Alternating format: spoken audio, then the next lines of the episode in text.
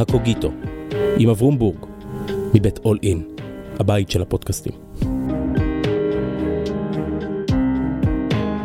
שלום, כאן אברום בורג. במשך חיי פגשתי המוני אנשים, רובם מעניינים ומרתקים בדרכם. וכשאני מחפש את המפתח אל מגירות הלב של הנשים והגברים האלה, אני מוצא תמיד יסוד אחד. לכל אחד ואחת מהם יש טקסט משלהם. לכל איש יש טקסט, קצר או ארוך, ספר, שיר או פתגם. טקסט אחד לפחות עליו בנויים הרבה ממגדלי החיים שלהם. בפודקאסט הזה, הקוגיטו, אנחנו משוחחים, לא מתקוטטים ולא מתנצחים, אלא יוצאים מה, מהטקסטים אל דרך ההבנה של הזולת. מנסים להבין את עומק הקולות הסמויים של המקהלה הישראלית. והיום, חבר חדש שלי. שלום וברכה. שלום אלי. שלום. אלי דן. תודה. מי זה אלי דן? אה, זו שאלה מצוינת, אני שואל את עצמי כל בוקר את אותה שאלה.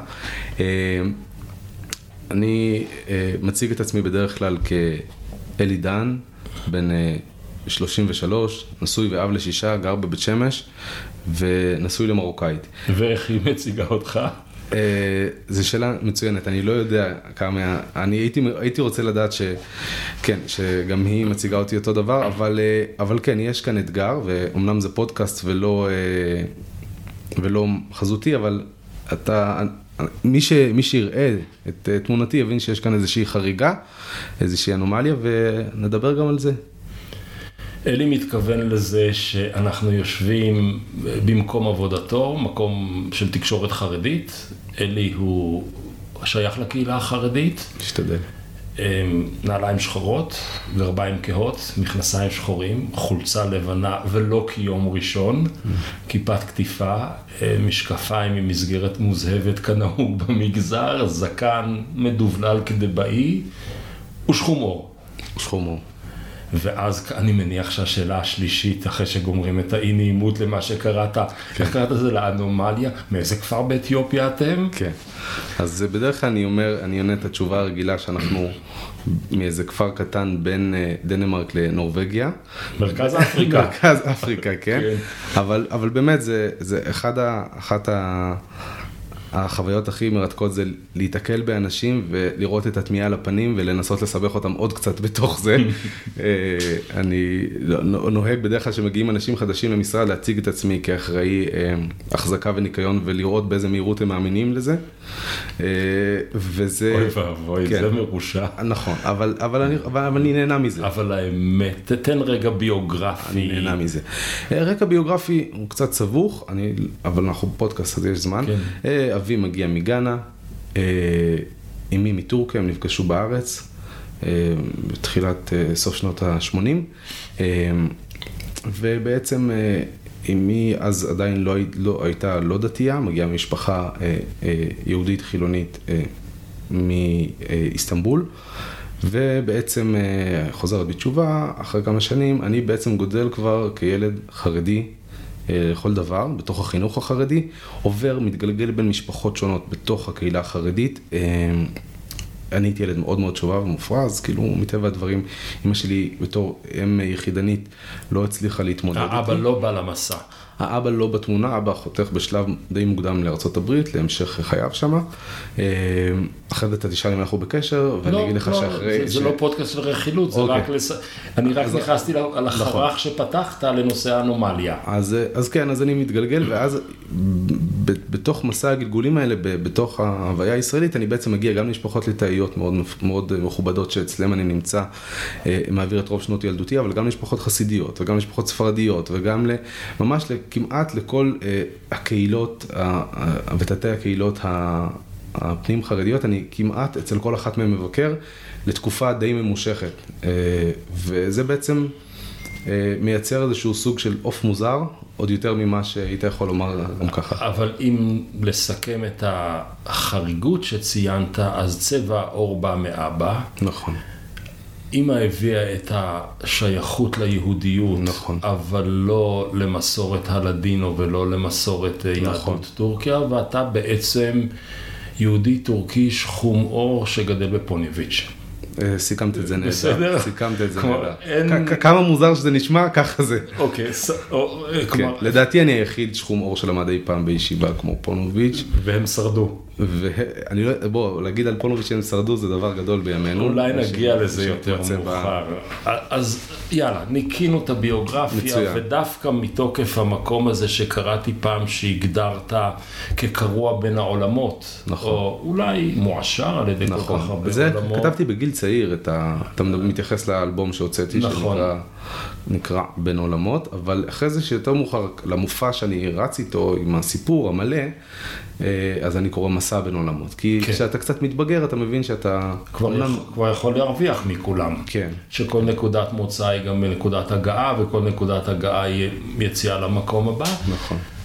והחלטנו שהולכים לדרך אה, ישיבתית, קלאסית, לוקחים טקסט ומה... אנחנו, מכיר- אני, אני לא מכיר דרך אחרת. כן, אה, אז וה- והטקסט שלוקח ישיב ובוכר כששואלים אותו, כשהוא רוצה לפנות לבורים ועמי ארצות כמוני, חס אז הוא הולך לתלמוד ובתוך התלמוד להגדה. זאת אומרת, אני לא נסבך אותך ב... אה, בתקפו כהן, אז כן. אה, בוא נתחיל. אני בח- באמת אסתבך אם אנחנו כן. נדבר על כפו כהן. בחרת, בחרת בטקסט, נכון. במסכת תענית. נכון. מה הטקסט? על מה הוא, במה, במה הוא עוסק? אני חושב שהוא עוסק אה, אה, בשאלה קיומית אה, של שאלת הכוח והיכולת שלך להתמודד עם כוח, והאם כוח הוא משרת או שהוא אה, משרת את התוצאה או, שהוא, או שאליו צריך לחתור או שהוא היעד. אה, ואני חושב שהוא טקסט שמבחינתי הוא ממש מכונן, אה, מכונן חיים, מכונן חשיבה, ההסתכלות על כוח, אה, על הצדדים ה- הפחות פחות נוקשים שלו, אלא יותר הגמישים שלו. ואני חושב שזה, אם אתה רוצה אולי שנחתור עליו עוד לטקסט, רגע. כן? אני רוצה קודם לסדר למאזין שלא מצוי בספרייה כן. את הכרונולוגיה. אוקיי. האמונה היהודית אומרת שתורה ניתנה מסיני, זאת נכון. אומרת קיבלנו תורה, והיא חתומה. להוציא פה ושם דברים שמשה כתבם, התורה חתומה, אבל יש תורה ומתחילים לדבר עליה, גם כי יש בה מתחים פנימיים, גם כי יש בה סתירות, גם כי יש בה הזמנה ללא בשמיים היא כי בפיך, בפיך בלבבך לעשותו, ומתחילה פרשנות, ועוברות השנים ועוברים הדורות, והפרשנות נערמת, וכבר אנחנו חוששים ש... נשכח אותה, ואז קם רבי יהודה הנשיא ואוגר בעצם את כל התורה שבעל פה שקרתה מחתים, ממתן תורה ועד ימה, וכותב את המשנה, שישה סדרים, כלומר שישה נושאים, זה לא כל כך מסודר כמו שעולה מן המילה סדרים.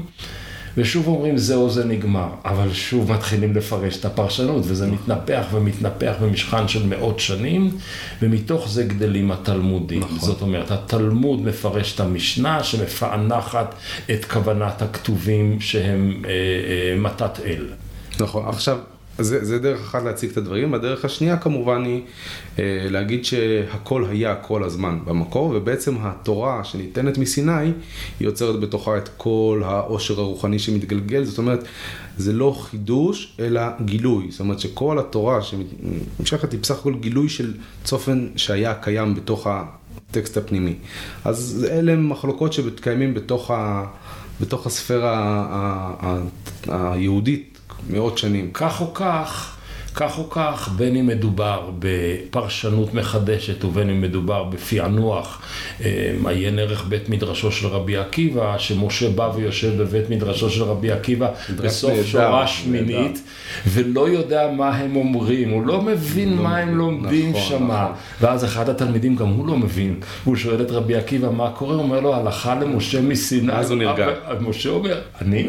אוקיי. אז זה תהליך הגילוי, נכון. זאת אומרת, הוא בעצם נכון. רומז את ההגדה שאומר רבי עקיבא למשה, תקשיב, אתה אפילו לא יודע מה הורדת מסיני, נכון. ואנחנו עם הדורות מקלפים קליפה אחר קליפה. נכון. נגיד, זה תהליך הפנימי של האמונה נכון. החז"לית האבולוציונית, ההתפתחותית. זה הבית מדרש של רבי עקיבא, כן. באמת הבית מדרש של רבי ישמעאל, תנא דברי ישמעאל, באמת, יכול להיות שהוא עם, מתאים יותר להצגה שאתה הצגת. עם מידות אחרות, עם שיטות, היסקים אחרות, אבל לא נעסוק בזה כרגע. ואז... אלי, שהוא ישיבה בוחר במקורו, משתדל. כן, לקח טקסט תלמודי על מנת להתמודד עם סוגיית הכוח. זאת אומרת, לא את מקיאוולי, ולא, אה, לא יודע מי כותב בימינו על כוח, אלא לצאת אל האקטואליה מתוך עתיק היומין. אני חושב אגב שזה זה טקסט נהדר לקחת אותו ולהנגיד אותו מול מקיאוולי לדוגמה, כן. מול הנסיך, אני חושב שזה קלאסי ואני חושב ש... אנחנו נדבר על זה בהמשך, אבל אני, אני, אני רק, מה שנקרא רמז להמשך, אני חושב שאם חרדים היום נוטים אחרי אה, אנשים פוליטיים שמעצבים את הזירה הפוליטית בדמותו של מקיאוולי, אה, בדמותו הכוחנית, בממדים הכוחניים שלו, הנסיך הכוחני שלו. בדמות הנסיך הכוחני שלו, אני חושב שהם מפספסים את הטקסט הזה שלהם, אה, אה, בארות המים החיים, כמו אז שאומר הנביא אז ירמיהו. בוא נתחיל. הטקסט הזה מורכב משני חלקים. בחלק הראשון יש דיון כללי על תפיסת הכוח, ומוצבים כאן שני מודלים של כוח. נכון. האחד הוא, האחד הוא הארז כמובן, ארז זה העץ החזק, הסימבולי, הבלתי מנוצח, העמיד בפני כל רוחות שבעולם, חוץ מרוח אחת. חוץ מרוח אחת. אבל, אבל, אבל עד שהרוח הזאת מגיעה, הארז הוא הכי מרשים שיש. והרוח הזו היא, היא רוח אה, דרומית. דרומית, אה, כן, רוח, רוח דרומית, מעניין אה, למה דרום. ולא, ולא מזרחית, ולא אצלנו. שזה שרקייה. אה? אצלנו הרוחות החזקות הן רוחות קדים. נכון. אבל אוקיי, באה רוח חזקה והיא משברת אותו. והיא בעצם מפילה אותו, אבל עד אז הוא עומד מדהים. כלומר, יש לנו את הבריון הכי גדול בשכונה, ופתאום, יש, יש מישהו שהוא בריון, בריון, בריון, עד שהוא מפסיק להיות בריון. וממש ברגע, ולעומת, ולעומת זו, ולעומתו יש לנו בעצם את הקנה. שזה, ה- נקרא לזה הסוף של על כן. גדות האגם או לאורך נכון, הנחל, כן. נכון, נכון, שהוא בעצם, אה, אה, הוא בלתי שביר, בגלל שאף רוח לא מצליחה לשבור אותו, כי בעצם כשבאה רוח, לא משנה איזה רוח שלא תהיה, הוא מתכופף. כופף כאגמון ראשו, יפה, הוא מתכופף. כן. ועובר את הרוח, והוא שם ומזדקף. בדיוק. וזה משל נפלא בעצם לדילמה של איך להתנהג עם כוח, האם להיות בלתי שביר, אה, עד שמגיע מישהו שיותר חזק ממך, והוא הוא גם, גם אותך מצליח לשבור, או להיות גמיש אה, ברמה המקסימלית. אה, אני חושב שזה נפלא. יש הרבה ספרות שכותבת על, שמתכתבת עם סוגיית הכוח הרך, the power of powerlessness, העוצמה שבחולשה. כן. בחולשה או בגמישות, כן. ביכולת להוריד את הראש בפני רוח, בין היא מצויה ובין איננה מצויה, ולהגיד זה יעבור, ואני עוד קיים, מה אני עכשיו אעמוד כמו איזה ארז בריון ובסוף אפול? חבל, חבל. נכון. עכשיו, אתה בוחר בטקסט כזה, אז מקום אחד הוא פוליטי. אתה אומר, אני גם בפוליט, באקטואליה, אני צריך, או באנושיות, או באשתי, שאני מקווה שהיא חושבת עליי כך כן. וכך, אני צריך את העידון הזה. אבל כאשר אתה מסתכל אל המציאות שסביבנו, זה נראה שאנשים איבדו את היכולת לחשוב במתכונות רכות, בייחוד בקהילות שאתה חי בהן. אז אני חושב, עצם זה שה, שה, שהציבור החרדי, אה, אני אגיד עכשיו משהו שאולי לא, לא יישמע נעים לאוזנם של היסטוריונים, אבל שהציבור החרדי שורד, משמר את המסורת ההיסטורית של אה, אלפי שנים אחורה, לפחות 1,500-2,000 שנה אחורה, אני חושב שהכוח בעצם שהוא, שמעניק לו את זה, זה אותה גמישות, אותה יכולת אה, לא להיות איתן כמו ארז, אלא להיות גמיש כמו הקנה. ואני חושב שאם הולכים, עם, עם, עם, ופה פה יש משהו שבעצם שמשנה קצת את, ה, את, הש, את החשיבה הזאת ב, ב, בחרדיות הנוכחית, המודרנית. אה, אני רגע רוצה לחזור שנייה אחת למשפט שאמרתי מקודם, כי בדרך כלל היסטוריונים יגידו לך שחרדיות זה איזושהי המצאה חדשה של 200 שנה האחרונות, שהוא בא כתגובה להשכלה או, ל, או למודרניות, אה, אבל אם אנחנו נעיר לחיים את רבי עקיבא ונושיב אותו בבית מדרש בשורה השמינית, אני חושב שהוא יזהה את עצמו הרבה יותר טוב בישיבת חברון או פונוביץ' או, או פורת יוסף מאשר באוניברסיטה העברית. הוא ימצא את מקומו יותר מהר, למרות שגם לזה ייקח לו זמן להסתגש והוא גם לא יבין מה הם אומרים שם, אבל עד שהוא ישמע מישהו אומר, אמר רבי עקיבא, והוא, הת, התיישבו לו הדברים. לכן אני חושב ש... אה, החרדיות במידה רבה משמרת את הסוד העתיק של הקיום היהודי, שהוא אה, אה, גמישות עד אין קץ. ו... ואז בא, וזה משהו שקורה במשך אלפי, מאות שנים, וכל בעצם שנות הגלות הארוכות, ואז באה יהדות אחרת. יהדות שאומרת, אנחנו, אנחנו נלך בכוח.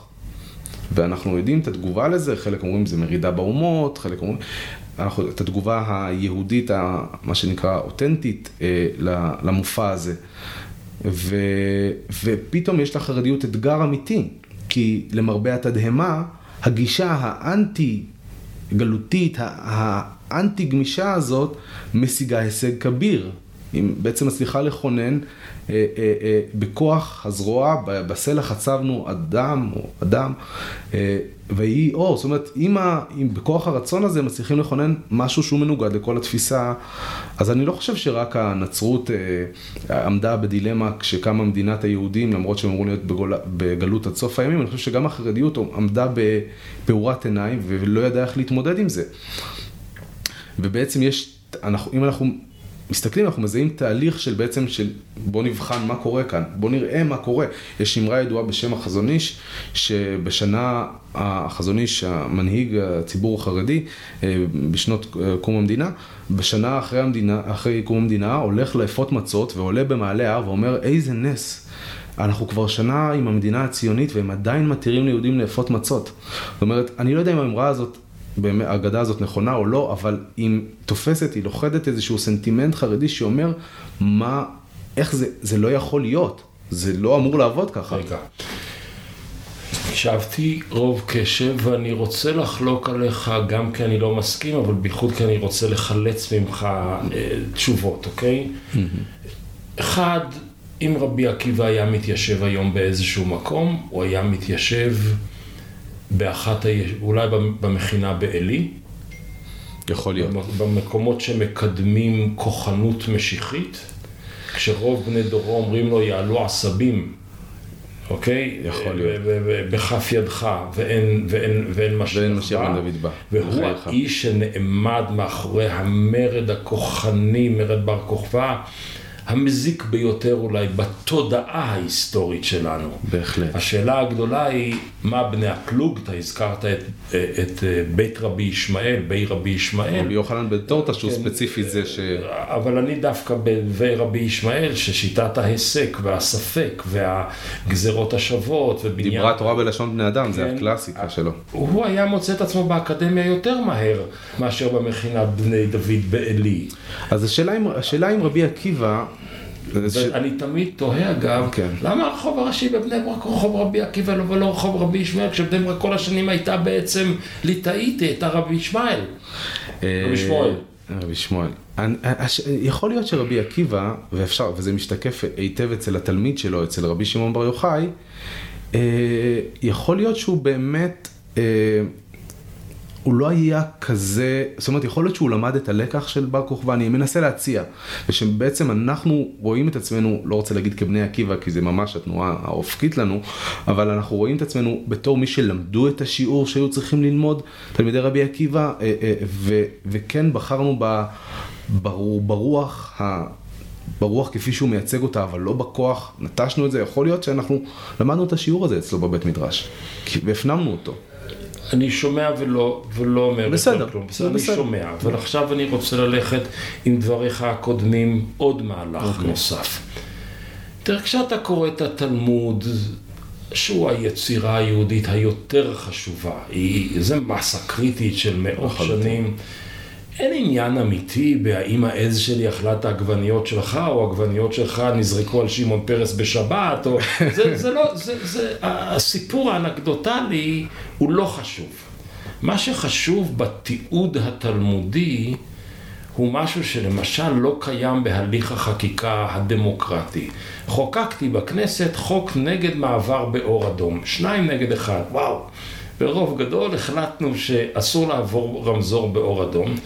זה הפך להיות בספר החוקים, דעת המיעוט נמחקה ומאן דקר שמי, היא לא, לא תיזכר יותר דעת המיעוט. התלמוד עושה מהלך הפוך, הוא מתעד את כל דעות המיעוט ומחייב אותך ללמוד אותן על דעת עמוקה שביום מן הימים דעת המיעוט דהיום תהפוך להיות לאבן הפינה לאסטרטגיית הרוב. זה, זה מדהים. נכון. זה יכול להיות, וזה יכול להיות מתוך כבוד לדעת המיעוט. זאת אומרת, אני אחלוק עליך לגמרי, אבל אתה זכותך וחובתך אפילו להגיד את דעתך בניגוד לדעתי. כי אם אני, שוב פעם, אציב, אציב כאן את כוחי במלוא עוזו אה, מולך, אני אולי אהיה חזק עכשיו, אבל אתה מחר תעלה לשלטון ואתה תעשה לי את אותו דבר.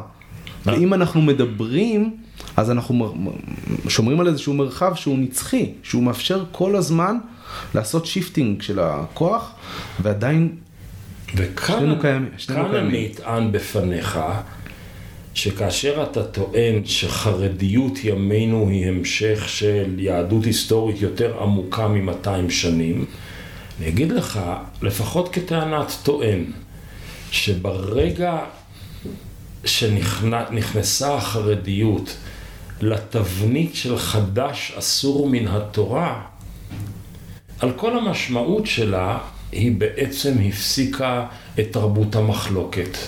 כי נוכח מציאות חדשה, כפי שתיארת אותה, של מדינה שהיא איננה מודל מלכות בית דוד שהיה, ולא מלכות משיח בן דוד שיהיה, היא מודל ביניים חילוני, ארצי, קמעה קמעה. אין, אין, אין פרמטרים, לא בהלכות מלכים של הרמב"ם ולא במסכת סנהדרין, אין מודל כזה. והחרדיות עומדת אילמת נוכח התופעה הזו, והיא מסתגרת, נגמר התהליך של השיחה. יש או את דעתנו או אין דעה כלל. נכון. התנתקתם. נכון. אה, אבל אני חושב שזה, אני חושב שהגמרא המסכת הראשונה בתלמוד, אם אני לא זוכר, ברכות. אם אני זוכר נכון, ברכות, מסתיימת בעצם באמירה הזאת שיש זמן לכל דבר. לא, לא האמירה היא של שלמה של הכל, אלא שבשעת המכנסים פזר, בשעת המפזרים כנס. כן. זאת אומרת, אתה חייב להיות, אתה לא יכול לקחת דוגמה אחת ולרוץ איתה, אתה חייב להיות כל הזמן קשוב למה קורה סביבך. ואם יש לך זמן שבו אתה מרגיש תחת איום, היהדות, היהדות כמו ש... כמו שהכרת אותה במשך 1,500, 1,800 השנים האחרונות, היא כבר, היא, היא, היא תחת מתקפה, אז בוא תתכנס לבפנים, בוא תשמר. אני חושב שאנחנו נדע שהחרדיות יצאה מהשלב הזה ביום שבו אנחנו אה, נתחיל לראות אותה באמת יותר בשיחה עם החילוניות ופחות בהסתגרות ותנועת קיבוץ כזאת אה, מפוחדת, כמו, כמו הסנטימנט הזה של החזוני של ברוך השם מרשים לנו עדיין לאפות פה מצות. הסנטימנט היום הוא, בתל אביב, ברוך השם מתירים לנו לאכול חמץ. זאת אומרת, כן. הניצחון שלכם מוחלט, בנוקאוט. אני לא חושב, אני לא חושב. אני חושב שאין, שבאמת אין, אין דרך אה, לנצח אתה יכול אויב. אני לא חושב שהחילוניות היא אויב, אני חושב שדווקא בפנים בפנים, בתוך המחשבות הכמוסות ביותר של החרדי, האדם החרדי, כשהוא עולה על יצואו, יש הערכה שהוא לעולם לא יבטא אותה למפעל הציוני, לחיילי צה"ל. ואני חושב שההערכה הזאת היום הולכת למקומות לא טובים, למקומות של לאומנות, למקומות של באמת של אה, אה, אה, איזושהי תחושה של שיכרון כוח שאנחנו יכולים לסמוך עליהם, שהם יודעים מה הם עושים, הרי הם הצליחו כל כך בשנים האחרונות. אני לא חושב ש... והחרדיות מודעת למגבלות הכוח שלה, במובן הזה שהיא יודעת שהיא היא, היא מספרת לעצמה שהיא זאת ששומרת על, על, על עם ישראל בעזרת לימוד התורה ובעזרת זה, זה סיפור טוב. ואנחנו גם מאמינים בזה, אבל אנחנו יודעים בסופו של דבר שזה שילוב כוח, זה, אין, פה, אין פה מנצחים, ואני גם מקווה שגם לא יהיו מנצחים. אני מקווה שתיפתח אה, שיחה אה, קשובה, אני חושב שזה יכול לתרום לשני הצדדים. רגע של רכילות. בסדר. בוא נלך על זה. העולם החרדי של היום מחולק לפחות לארבעה חלקים. יש את החרדיות שבגולה, נכון. בייחוד בגולת המערב, נכון. זה היה חמישה חלקים. יש את החרדיות שבגולת המערב, נעזוב אותה כרגע. יש את חב"ד, נעזוב אותם כרגע. יש בישראל חסידים, ליטאים וספרדים. נכון. לכאורה, האיש מבחוץ אומר הכל אותו דבר. נכון. אני יודע שלא הכל אותו דבר, ואתה ממש יודע שלא הכל אותו נכון, דבר, נכון. אוקיי? אתה יכול לתת בהם סימנים בתוך הסימנים האלה להגיד מי יותר קרוב לתפיסת הרכות שלך ומי יותר קרוב לתפיסת הארז הכוחני? כן.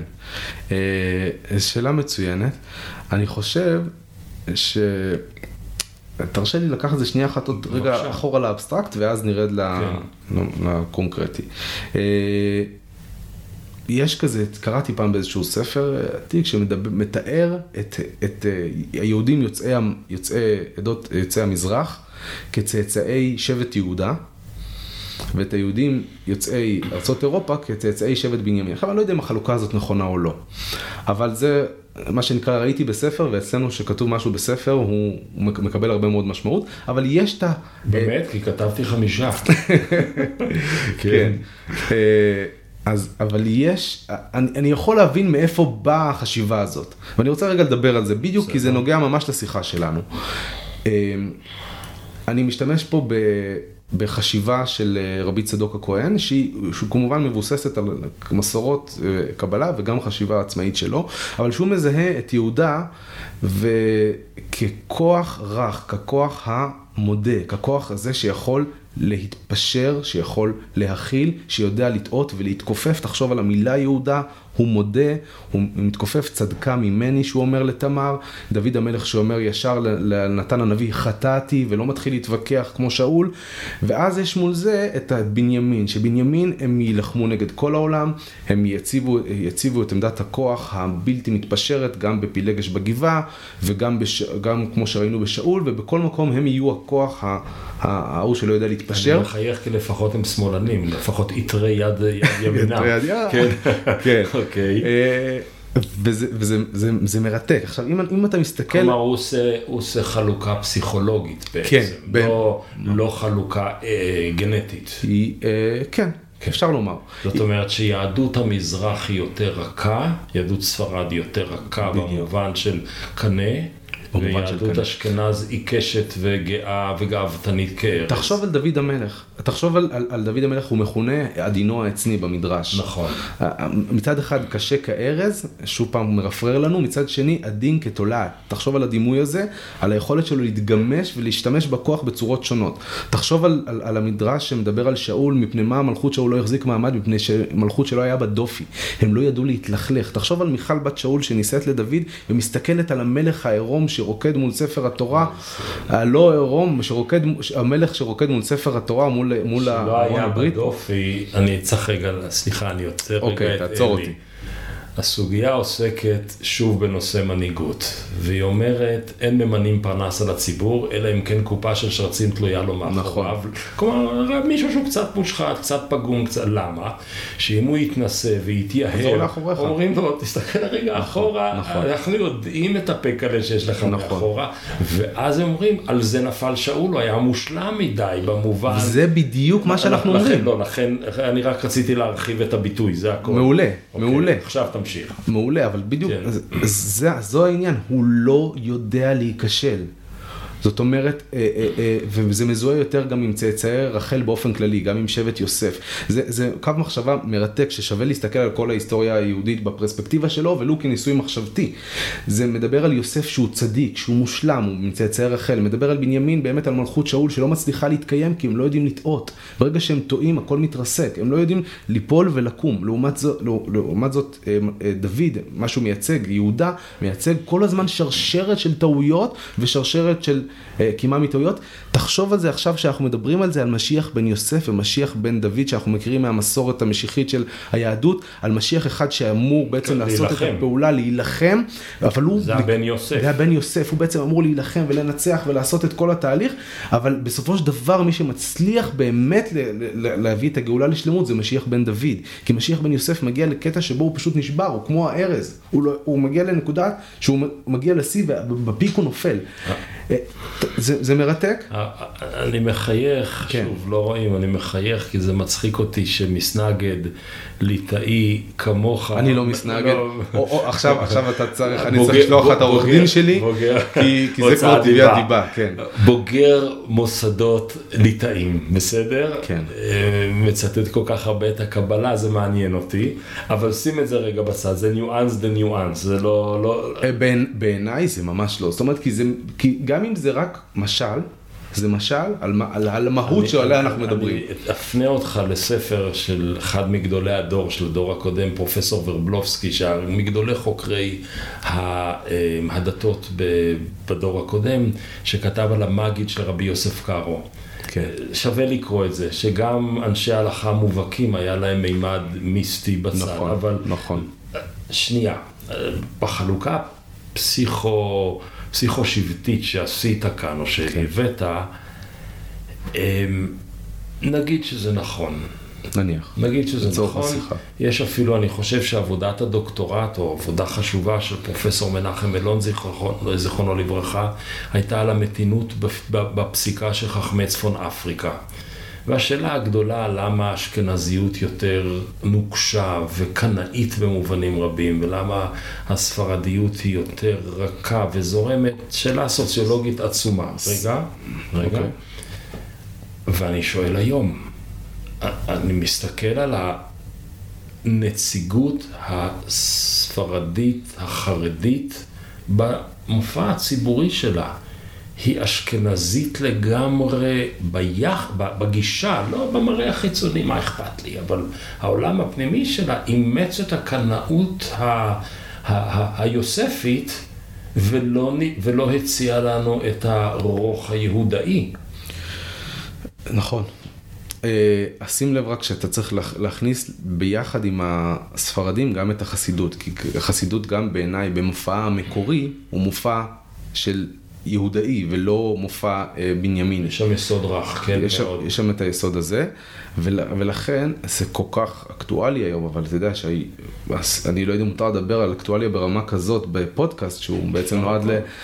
אבל אנחנו מדברים היום על זה שיכול להיות שהסיעות החסידיות ילכו ביחד עם, המפלגות החסידיות ילכו ביחד עם ש"ס. הספרדים והחסידים יחד, והליטאים מבצרים, את, מנסים מה שנקרא להוביל את דגל התורה בידם קדימה, ללא תלות באף אחד, זה רק סימבולי, אבל אתה דיברת על, על, אה, על היכולת של ה... אה, על ההופעה, המופע שאנחנו רואים בש"ס של היום.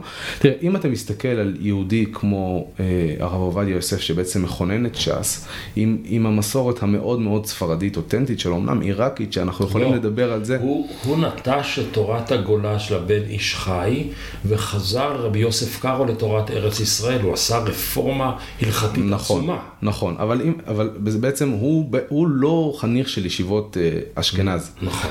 אז אני מתכוון לומר, הוא אמנם עיראקי, שעיראקים אומרים שזה סוג של אשכנזים, יש כזאת שמועה שרצה ב... זה היקים. זה היקים שלה, כן. ברור. יש כזאת שמועה, אבל כן. עדיין אתה רואה שבאמת היה בו גם את הצד המאוד מאוד רך והמאוד מאוד, אה, אה, אה, והמאוד מאוד תובעני, היה בו את ה...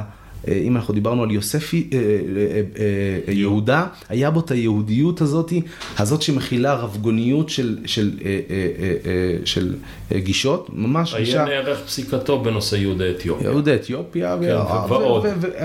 ועצם האמירה של, של כוחא דהיתרא עדיף. כן. עצם כוח ההיתר. בפסיקה הוא עיקרון יותר חשוב מאשר כוח האיסור. בדיוק. זה, אני רק מפרש את זה. כן. אז, אז עצם החשיבה הזאת מראה לך, זאת אומרת שהמקורות, אה, מקורות החשיבה, הם, הם, הם מקורות באמת יותר אה, יהודאיים, אם ננסה למקם אותם ככה. אה, אבל ש"ס של ימינו, מה לעשות שהנציגות בכנסת היא רובה בוגרת של העולם, מה שאתה אמור להכיר יותר מכל את המונח של הפנמת הדיכוי. וזה שבעצם, אבל אתה רואה שחבר כנסת מש"ס, שנטה להיות טיפה יותר, אה, אה, יותר רך, מצא את דרכו חיש מהר החוצה, אתה יכול לחשוב אפילו על שתי שמות כאלה, בלי שאפילו נזכיר אותם. שהם מצאו את דרכם מהר מאוד החוצה, לא הצליחו להחזיק שם מעמד, כי בעצם אה, אם, אם אומרים שש"ס חטאה לתפקידה, אה, ההיסטורי בתור מבשרת של יהדות אחרת. אני, קשה להתווכח עם האמירה הזאת, קשה להתווכח איתה, אבל עדיין יש בה יכולת להכיל אה, ולחבק גם אוכלוסיות שהסתכלו עליהן במקומות אחרים בהתנשאות אה, אה, גדולה מאוד. אה, יש בה את היכולת הזאת עדיין. אני חושב שיש בה גרעין טוב, אה, שבאמת צריך לצמוח ולהתפתח. הלוואי שהוא ילך למקומות האלה. עוד מקום אחד על פי המודל של רבי צדוק, של הבנימינים הקשים ולכן נופלים, מבנה הארז שלהם, והיהודאים ה... שיודעים, למרות שהם נתפסים ככוח המונצח בהיסטוריה, הוא כוח מונצח בגלל חולשותיו, בגלל יכולתו... להתרומם מחולשותיו. חולשותיו. אבל יש כאן עיוורון, ואני אגיד לך מהו. המקרא שהחרדי לא יודע איפה, איפה זה המקרא, הוא יודע שהפסוק שמע ישראל כתוב במסכת ברכות, כלומר הוא, הוא מכיר פסוקים אגב הפרשנות שמפרשת אותם בספר השלישי אחרי המשנה, אחרי נכון, התורה והמשנה נכון. והתלמוד, הוא לא מכיר את המקור. קשה. אבל כש, זה, כשאתה קורא את המקור, מסתבר שהיו שני מודלים גדולים יותר. היה מודל של שבט יהודה שהיה לצורך העניין קולקטיב מאוד מונוליטי, יהודה, קצת שמעון ומעט לוי, בממלכת ישראל שהייתה קונפדרציה של שבטים. נכון. והיום בישראל יש לך את ה... עכשיו אני מציג מודל אחר למודל שהצגת. יש לך את המודל של יהודה, השמאל שכח מה זה להיות יהודים, מונוליט מסוג אחד לחלוטין של לאומי, לאומני, אה, אתני, סגור, שבטי, ויש לך מודל של קונפדרציה של שבטים, של אנשים שונים ומשונים, שכל אחד בדרכו ובדרכה מגדירים את עצמם כחלק מהשלם הישראלי. וישראל בגלל נסיבות אה, בין השאר של השפעות דתיות לא טובות, כולל של הציונות הדתית, מעדיפה את המודל המסוגר של יהודה על פני קונפדרציית השבטים של ישראל. זה מעניין, אה, בפרט בהתחשב בעובדה שאם חוזרים היסטורית לממלכת ישראל המקורית היא לא שרדה. שתיהן לא שרדו, זה פער של 150 שנה, שתיהן לא שרדו. כן, אבל אנחנו רואים את עצמנו, בליבי טורנט, כממשיכי אותה ממלכת יהודה. בתפיסה ההיסטורית שלנו, זאת אומרת שחלקים לפחות מעם ישראל, אני חושב שאפילו מדינה, שקלו לקרוא למדינת ישראל מדינת יהודה, אה, נראה לי שזה היה חלק מהשמות שעלו כאופציה. אה, אנחנו רואים, אנחנו, התפיסה היהודאית שרדה, התפיסה הישראלית הקונפדרטיבית לדעתי אה, פחות שרדה, אז אתה רק יכול לחשוב למה אנחנו מעדיפים להתחבר אולי לממד הזה, אבל... שאלה איפה? אה? שאלה איפה? אבל, אבל, אבל אולי כדאי באמת לחזור אחורה למה שדיברנו עליו מקודם, אלא אל מה, ש, אל מה שתחושת הכוח עושה לעם שיוצא, אה, מ, שחוצב את דרכו החוצה מן הגלות. ולהתמודדות שלו עם הכוח עכשיו שיש לו בידיים. ולמחשבה של הנה, הכוח שלנו מצליח לעבוד, ובואו נדבר אפילו על, על, על, על, על עמדה מול, אה, מול אויבים, מול ערבים, מול כל מיני... רק כוח הם מבינים, הם מבינים רק כוח, אז אולי אנחנו רוצים להיות נחמדים, זאת אומרת, מי זה הם? הישראלים? התפיסה שנמצאת בימין, ביהודה, במקומות האלה שאתה מדבר עליו, זה הם מבינים רק כוח, רק כן. בכוח אנחנו נוכל להסביר להם מה אנחנו רוצים. ואני חושב שלזה אחראית אה, אה, במובן מסוים הציונות. לזה אחראית, ההצלחה שלה אחראית למופע הזה של הכוח, של בלי כוח אנחנו כולנו פשוט נעלם מכאן. אני חושב שהאתגר שלנו הוא לעבור מהמצב הזה, לעבור מהמצב הזה של אה, אה, כוחי ועוצם ידי, לעבור מהמצב הזה של בעזרת הכוח לבעזרת הרוח. אה, ולזכור באמת שהאמצע, שהכוח הוא אמצעי ולא מטרה. אני, אני זוכר שבאחד הסיבובים האחרונים של המערכת הבחירות הבלתי נגמרת שנמצאת פה, ראיתי, היה את הסלוגן נתניהו ימין חזק. אמרתי לעצמי, מתוך התפיסה שלי את המציאות, טוב זה לא ייגמר, כי מישהו ימין חזק יבוא, מישהו שהוא עוד יותר ימין ועוד יותר חזק וגם אותו יפיל, זאת כן. אומרת, אגב זה מה שקרה בסוף, כן? קורה לנגד עינינו. קורה לנגד עינינו. כן. אגב זה קרה גם בנט יותר ימין כביכול מנתניהו, מזיז אותו הצידה, לא יודע אם יותר חזק ממנו, אבל הכל זה עניין של דימויים שאנחנו אי אפשר להאמין לשום דבר, אבל הוא מזיז אותו הצידה ולוקח את מקומו כימין החזק הזה. זאת אומרת, זה באמת, זה באמת לא מחזיק מעמד. זה באמת לא יחזיק מעמד. אבל הלא מחזיק מעמד הזה בציונות, אני מבין אותו. כי אם הציונות, אליבא דשיטתך, מה שנקרא לטעמך, לטעמך, הציונות נבנתה על הכוח ושימושיו, והצליחה באמצעות יישומיו. החרדיות ביקשה להציב אלטרנטיבה, להישמר מפניו, ועכשיו שאתה רואה את עליית שיח הכוח והכוחנות ברחוב החרדי, אז זה לא כל כך ניצחון הציונות כמו כישלון הרבנים. נכון, נכון, בהחלט. אז איך נראה חשבון נפש תוך קהילתי כזה? תראה, החשש עכשיו מהלאומנות הוא, הוא חשש שמונח על השולחן. זאת אומרת, זה השיח בכל, בכל בית. על, אני מדבר איתך על בתים של חברים, שהם עצמם נמצאים, חרדים, אבל נמצאים בכנף הכי שמאלית, שמדברים איתי על זה שהילדים שלהם בישיבות הולכים להצביע לבן גביר. הולכים להצביע למקומות האלה, והם מתעמתים איתם סביב זה. שוב, אני, אני, מי, ש, מי שנמצא אצלי כתמרור לעניין הזה הוא באמת הדמות של הרב שך, שבאמת במופע הכל כך היסטורי שלו מדבר על זה שאנחנו כוחנו הוא לא, ומה, וכוח שרידותנו הוא לא הנשק שיש לנו. והוא אומר שם במילים מפורשות, יבוא עם יותר חזק, ויבואו לכם אתגרים יותר חזקים. אתם חזקים, ואתם, יש לכם פצצות אטום, ויש לכם על פי פרסומים זרים, ויש לכם ככה וככה, אבל יבוא, יכול לבוא כוח יותר חזק מכם, מה תעשו אז? עם, עם, עם מה תנצחו אותו, עם מה תעמדו מולו. אני חושב אגב שהציונות, וזה גם מפוספס בתוך, ה, בתוך ההסתכלות החרדית המעריצה של הציונות, הציונות גם נבנתה, נבנתה על הרבה מאוד פשרות, מי כמוך מכיר את כל הפשרות מסן, וזה גם, האמת היא שגם הרב שך אומר את זה גם להם, מסן רמו של שני, אה, מוועידת סן רמו שבה ארץ ישראל על שני גדותיה, אה, אה, עד לאיזשהו תוכנית חלוקה עם... אני לא יודע על כמה אחוזים. דרדלה. דרדלה, כן, שבן כן. גוריון מסכים ולוקח, אומר העיקר תיתנו, גם, גם הוא מגלה את הפרגמטיות. מפא"י זה שם נרדף לפרגמטיות היום. זאת אומרת, והיא זאת שמצליחה להקים את המדינה, ולא החירותניקים הנלהבים של, של האצ"ל. אז איפה ניגף הרב שך? הרב שכיזם. אני חושב, שהוא, אני חושב שהוא לא ניגף, כי אני חושב שוב פעם שזה תהליך של התבגרות. אני חושב שהציבור החרדי עובר תהליך של התבגרות. והוא לאט לאט יוצא מהמצב הילדותי הזה, ממש אה, אה, אה, מתבגר לאט לאט ועובר את כל השלבים של ההתבגרות בדרך אל ההבנה של, של הכוח שיהיה לו, הוא עדיין לא מבין שהוא, שיש לו כוח אדיר, הוא לא מבין את הכוח האדיר שהולך להיות לו.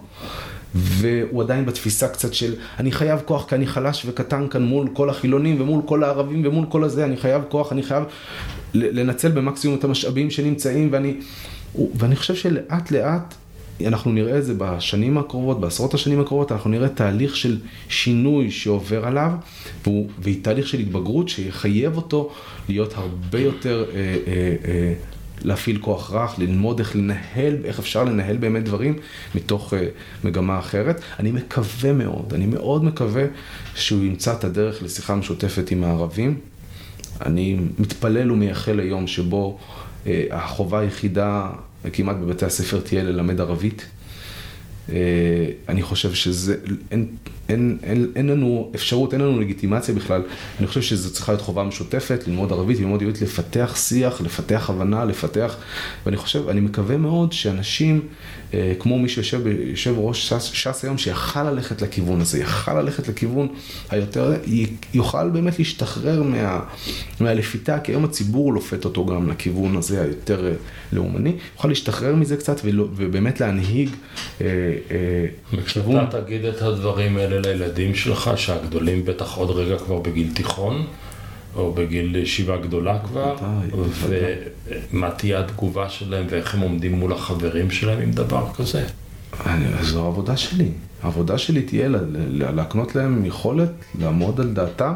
אה, הילדים שלי לומדים בהנה בעוד מערכת ככה, אה, במערכת שנקראת הממ"ח, הממלכתי-חרדי, לא מתוך רצון שהם ילמדו ליבה, לא, כחרדי לא מעניין אותי אם ילמדו ליבה או לא. אני לימדתי מספיק ילדים, אני הייתי מדריך נוער אה, בעיר כאן סמוכה, ילדים לא דתיים, שלא למדו במערכת הממלכתית, הם לא ידעו לא אנגלית ולא מתמטיקה. אני לא אכפת לי שהילדים שלי ידעו אנגלית ומתמטיקה, אכפת לי שהם יהיו ילדים טובים. ויש לי ברוך השם במקום, במערכת שבה הם לומדים היום, יש לי את היכולת לדבר איתם בפתיחות על כל הנושאים האלה, בלי לפחד שהקהילה תסתכל עליהם בעין עקומה או משהו כזה, כי הם כבר, אה, מה שנקרא, הם כבר ניצלו את מהשלב הזה. והם לומדים שם היום במערכת שבאמת, אני נמצא, נמצאים שם מתוך אה, ערכים, מתוך חשיבה על ערכים ומתוך חשיבה על, על איזה ערכים, ואם הערכים של החרדיות, כמו שאנחנו מכירים אותה, הם באמת, אה, זה מה שאני רוצה להנחיל להם, אה, אני חושב שיש מה לשפר. תראה, הקול שהשמעת כאן, הקול קול יעקב, על מנת שגם הידיים תהיינה ידי יעקב, דווקא אני חושב שידיים צריכות להיות ידיים ידי עשיו מדי פעם. מדי פעם, אבל לא להגזים בפיתוח כל עוד הכל כל יעקב. כן. אז נשאר במקום לבנות okay. את אוקיי. המבנה הגופני, okay. אוקיי. כלומר אין לו גוף, אין לו דמות הגוף, אבל okay. כל יעקב שהשמעת כאן הוא קול שקיים בהרבה מאוד רבעים בציבור החרדי, אבל הוא קול מושתק, הוא קול מבויש היום. הוא פחות, אה, אה, הוא, הוא, הוא, הוא, פחות בולט. ו... אז קודם כל אני אסיר תודה, יכול להיות שמה שצריך זה באמת פרק איטי, מהורהר, אה, שלוקח את הזמן שלו כדי להגיע למקומות האלה. אבל מכיוון שפתחנו בטקסט, פתחנו בטקסט, הסיום של, ה, הסיום של, ה, של הטקסט ממסכת תענית הוא סיפור אנושי, אבל הוא יותר מסיפור אנושי, נכון? נכון. נכון. הוא מקומו של המנהיג. נכון. אז תלמד אותנו. אז בעצם אנחנו לומדים כאן על רבי אלעזר בן רבי שמעון, אה, שמגיע מבית רבו, כלומר מהישיבה. הוא חוזר מהישיבה, והוא שמח מאוד. הוא שמח כי הוא בעצם סיים אה, מתכונת לימודים ארוכה וממושכת. קיבל תואר. כן. הוא בוגר היום. הוא בוגר, אבל הוא בוגר כנראה של משהו מאוד מאוד נחשב. אה, ושמח שמחה גדולה והייתה דעתו גסה עליו. ושלמד תורה הרבה. זה נפלא, זה משפט כן. נפלא. איזה יוהרה. זה משפט נפלא. כן, כן. אנחנו, אתה, אני לא יודע אם אתה מכיר, אבל בתמה החרדית, מי שלומד תורה, מידותיו אמורות להיות... מעודנות יותר. מעודנות. כן. מה זה, איך, איך מישהו יכול... איך גס ליבו. איך גס ליבו, בדיוק mm-hmm. ההפך. ואז... אה... והוא מטייל לאורך הנהר. איפה יש פה נהר, נעזוב את זה כרגע, אבל כן. בסדר, הפרט והחידקל. יכול להיות כן. שזה עוד לפני, ש... עוד, כן. עוד ששמרו על הפלנטה והיה... אוקיי. אני צוחק. זה היה לאורך הירקון, אוקיי, הוא כן. פשוט רכב מבני ברק. כן, מבני ברק. כן. נזדמן לו אדם אחד שהיה מכוער ביותר. אה, לא, לא, תקרא את זה כמו בישיבה. אוקיי. כמו... לא, ממש עם המבטא? אין לי, נו, יאללה, לומדים. נזדמן לו, נזדמן לו אדם אחד שהיה מכוער ביותר, אמר לו, שלום עליך רבי, ולא החזיר לו, אמר לו ראי. רגע. אוקיי. אוקיי, סליחה, סליחה, אתה צודק, אתה צודק. נזדמן לו אדם אחד שהיה מכוער ביותר. אמר לו, האיש ההוא, האדם ההוא, שלום עליך רבי. נכון. ורב שמעון לא מחזיר לו ולא החזיר לו שלום. נכון. תמשיך. אמר לו, במקום להחזיר לו שלום, אמר לו כמה מכוער לא, אותו, אתה... אמר לו ריקה, ריקה, ריקה, ש... תסלח לי, אנחנו, אנחנו נצמדים לעיקרון, לא ל... כן, אתה צודק, אבל אתה צודק, אנחנו לומדים עכשיו. לא? חברותה. כן, אמר לו ריקה, כמה מכוער אותו האיש. כלומר, כמה אתה מכוער, שמא כל בני עירך מכוערים כמוך?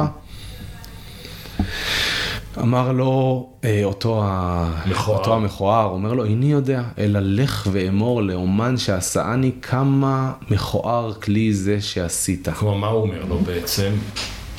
מה הוא אומר לו? אה, הוא אומר...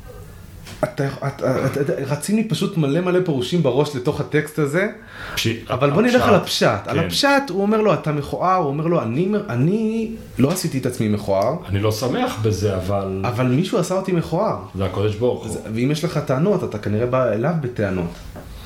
שזאת הטענה של הגאים והגאות. אוקיי, אתה מכניס פה עכשיו, לא. אתה מכניס פה עכשיו מוקש. לא, אבל זה מה שהם טוענים. הם אוקיי. אומרים, אה, כזה בראני. ככה, ככה. אה, כן. בוא נמשיך. נמשיך, אפשר לדרוך על המוקש הזה, לא אבל לא נראה לי שהפעם. לא צריך. אה, כיוון שידע בעצמו שחטא, זאת אומרת? החכם, רב שמעון. רבי שמעון תופס שהוא חטא, יורד... רבי אלעזר ורבי שמעון, זה, סליחה. יש מחלוקת גרסאות, אז כן. הכל נכון, הכל אמת. אה, ירד מן החמור ונשתטח לפניו ואמר לו, נהניתי לך, מחול לי. הוא אומר לו, אתה צודק, צדקת, שוב פעם, היכולת להודות בטעות, לזהות אותה להכיר ולהודות בה, בה, כן. להכיר בה, ומבקש מחילה. ו... אה, אמר לו המכוער, כן, איני מוחל לך עד שתלך לאומן שעשני, ואומר לו כמה מכוער כלי זה שעשית, אני לא, אני לא אסלח לך. עד שבעצם לא באמת תפנה את הצעקה לקדוש ברוך הוא. כלומר, אה, הוא בעצם מבקש ממנו את צעקת אברהם אבינו, זאת אומרת, השופט כל הארץ, אז היוצר כל הארץ, למה יצרת כלי כזה? הוא מבקש שהרב ייצג אותו במחאה של כאביו שלו. יכול להיות, ויכול להיות שהוא אומר, אם אני מכוער זה רק בעיניך, ואם בעיניך אני מכוער, Mm, אתה צריך פה לעשות... אה, כדי לתקן את העיניים שלך. לתקן את העיניים שלך. אופטיקנה, כן.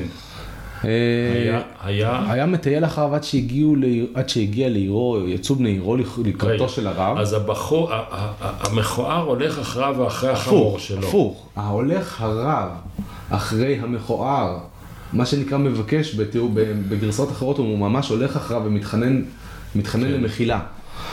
ועד שהגיעו לעירו, בעצם הוא מגיע לעיר שלו, ויוצאים בני עירו לקראתו ואומרים לו שלום עליך רבי, רבי, מורי, מורי. אה, אומרים בעצם לרבי שמעון בן אלעזר שחזר מהישיבה. אמר להם המכוער, למי אתם קוראים רבי, רבי? אמרו לו, לזה שמטייל אחריך, אה, לרב. אמר להם, אם זה רבי, אל ירבו כמותו בישראל. אחרי שהוא העליב אותי, אחרי שהוא ככה מתייחס לבני אדם. כן. כן. אמרו לו, מפני מה? אמר להם, כך וכך עשה לי. אמרו לו, אף על פי כן, מחול לו, תמחל לו, אפילו שהוא עשה לך כך וכך, פגע בך, שאדם גדול בתורה הוא. למה זה סיבה? אוקיי. אה, אמר להם, בשבילכם, הרי אני מוחל לו בלבד שלא יהיה רגיל לעשות כן. אני אמחל לו, אבל שילמד את הלקח. מיד נכנס רבי אלעזר ברבי שמעון ודרש, נכנס הדרשה הראשונה שלו שהוא נושא כרב, אה, כמחנך לעולם יהיה אדם רך כקנה ואל יהיה קשה כארז. בעצם הוא מאמץ, אני מניח שהוא הכיר את הדרשה הזאת לפני כן, אבל יכול להיות שהוא פשוט לא אימץ אותה כדרך חיים. אה, ולפיכך זכה קנה, ליטול ממנו קולמוס, לכתוב בו ספר תורה, תפילין ומזוזות, זה כבר ככה... כבר החבר'ה נותנים כן, אקסטרה. כבר, כבר, אומרים לך איך לעשות, מה... הגענו. אתה צריך לדעת איך. בעצם מה שהסיפור הזה אומר, הוא אומר. אני, שומע פה שני דברים.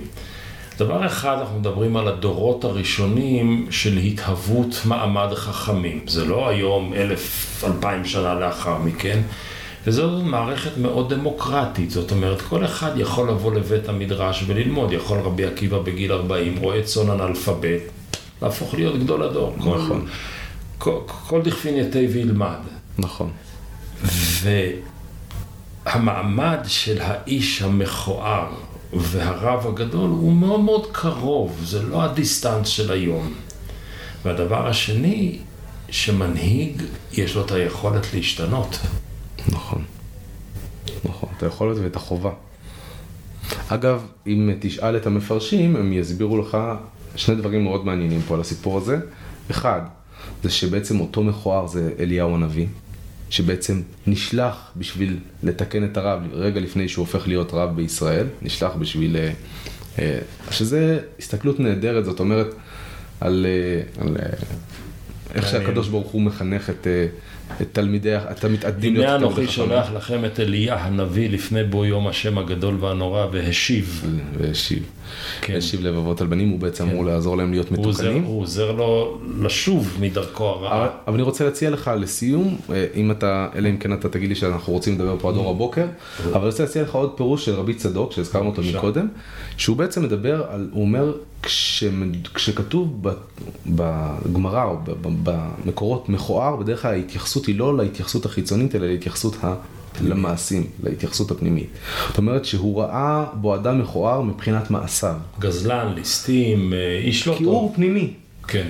ועל זה הוא בא ואומר לו, כמה מכוער אתה, אם אתה מגיע ממקום שכולם כאלה אנשים גרועים כמוך? סדום.